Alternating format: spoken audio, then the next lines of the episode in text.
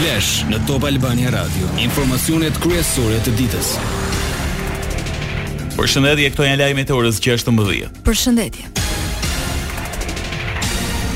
Arben Ahmetaj nuk do të jetë më zëvendëskryeministër në postin e numrit 2 të qeverisë, zëvendësohet me ministren e infrastrukturës dhe energjisë Belinda Balluku. Ndërkohë tashmë që Shqipërisë i janë hapur negociatat e anëtarësimit me Bashkimin Europian duke u kthyer në përparësi, Majlinda Dhuka zëvendëson diplomatin Zef Mazi. Në një postim në Twitter kryeministri Rama shkruan, Tani që prioriteti i rindërtimit ia lë vendin prioritetit të negociatave me BE-në, ndërron profili i ministrit të shtetit. Majlinda Dhuka, një profil i lartë teknik në vend të profilit të lartë diplomatik të ambasadorit Mazi, Bëhet kryenegociatore dhe ministre shteti pranë kryeministrit. Ndërsa falenderon Ahmetajn dhe Mazin për kontributin e tyre duke i cilësuar bashkëpunëtorë të vlefshëm në rrugë sfidash që vazhdon, shefi i qeverisë thekson edhe se energjia si sfida më kolosale e kësaj periudhe dhe infrastruktura si sfidë e pandërprerë kombëtare. Janë bërë sot edhe marrëdhënie intensive me qeveri dhe institucione ndërkombëtare, Për Ramën është koha që roli i zëvendëskryeministrit të fokusohet në këto fusha.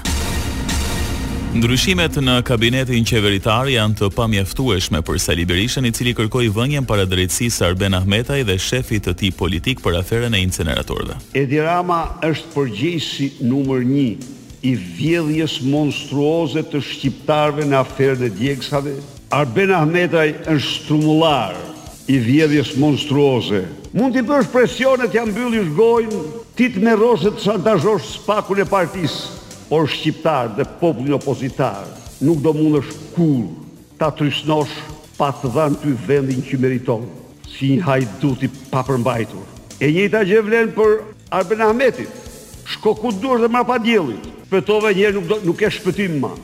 Ndaj dhe mos merr mundimin me u largu se do rëndohesh shumë.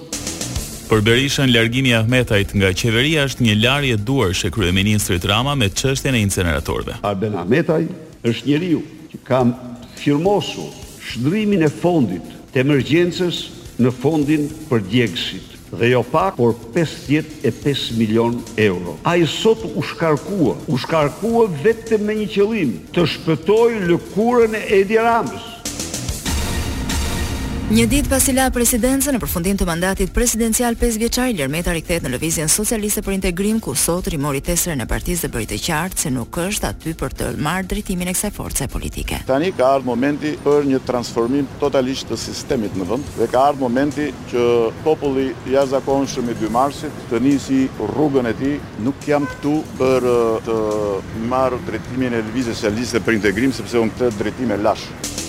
Meta tha se referendumi është primarja e primareve. Partia e referendumit na pret përpara. Kjo është, është partia e popullit të dy marsit.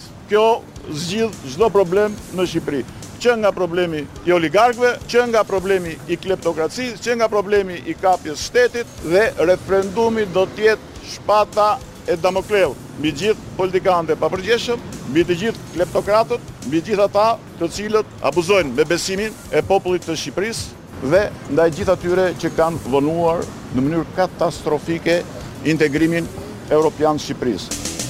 Meta u pyet nga gazetarët nëse do të përpiqet të bëhet njëshi në opozitë. Nuk jam në garë as me Berishën dhe s'kam qenë në garë as me Lulushin. Kam qenë dy mars që i pres të gjithë. të bashkohen për t'ia dhënë fuqinë popullit shqiptar. Shqipërinë s'e ndryshon dot as Ilir Meta, as Sali Berisha dhe askush tjetër. Lëvizja Socialiste për Integrim mban sot Konventën Kombëtare, të cilës do t'i bashkohet edhe Ilir Meta.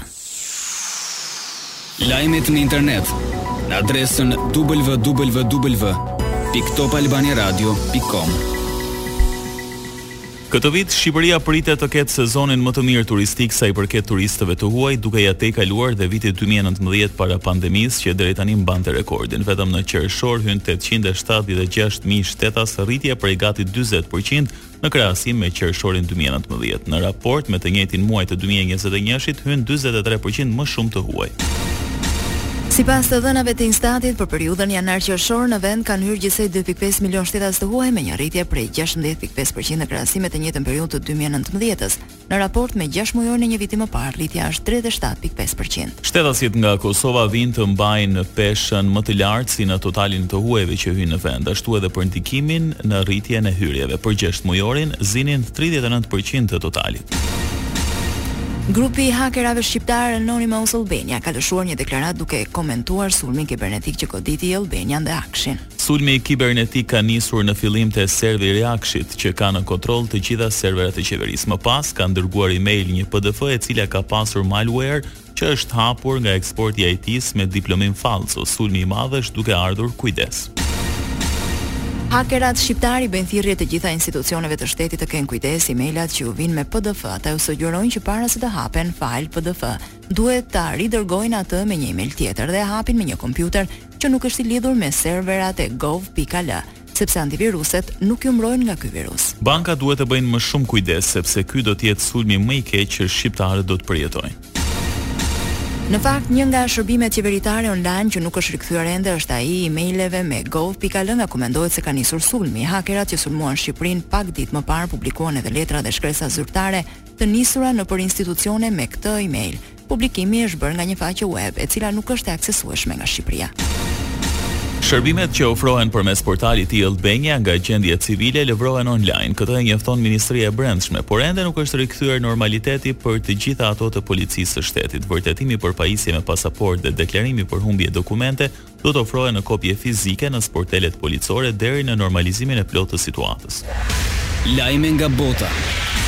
Vendet evropiane që nuk varen nga gazi rus duhet të tregojnë solidaritet me ata që detyrohen të bëjnë përpjekje për kursim, këtë e deklaroi presidentja e Komisionit Evropian Ursula von der Leyen. Ndërsa vuri në dukje se ekonomitë e BE-së janë të ndërthurura ngushtë, theksoi se një krizë gazi do të prekte çdo shtet anëtar. Zyrtarja e lartë nënvizoi rëndësinë që të reduktojnë kërkesën, të rezervojnë më shumë e të ndajnë me të prekurit.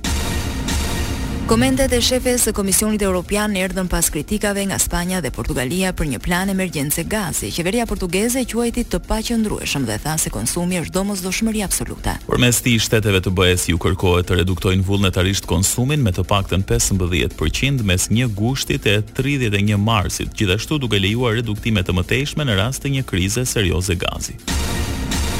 Ish-sekretari amerikan i Shtetit Henry Kissinger këshillon Ukrainën dhe Perëndimin të mos i dorëzojnë Rusisë asnjë territor ukrainas në asnjë negociatë të ardhshme për paqen për t'i dhënë fund konfliktit. Për ZDF-në gjermane deklaroi se heqja dorë nga territori ukrainas nuk duhet të jetë në tryezë, ndërsa Perëndimit i bën thirrje të tregohet i qartë. Kissinger ka qenë element kyç i politikës së jashtme amerikane në vitet gjashtëdhjetë dhe shtatëdhjetë. Parashikimi i motit. Masat ajrore me origjinë nga veriu i Afrikës mbeten prezente në territorin shqiptar duke bërë që të kemi temperatura ekstremisht të larta në ultësirën perëndimore dhe në verilindje. Temperaturat variojnë nga shtatëmbëdhjetë në dyzet gradë Celsius. Ndoqët një përmbledhje kryesore të lajmeve të ditës. Edicioni i radhës është në orën 17. Unë jam Edi Hallaçi. Unë jam Anibame. Kjo është Top Albania Radio.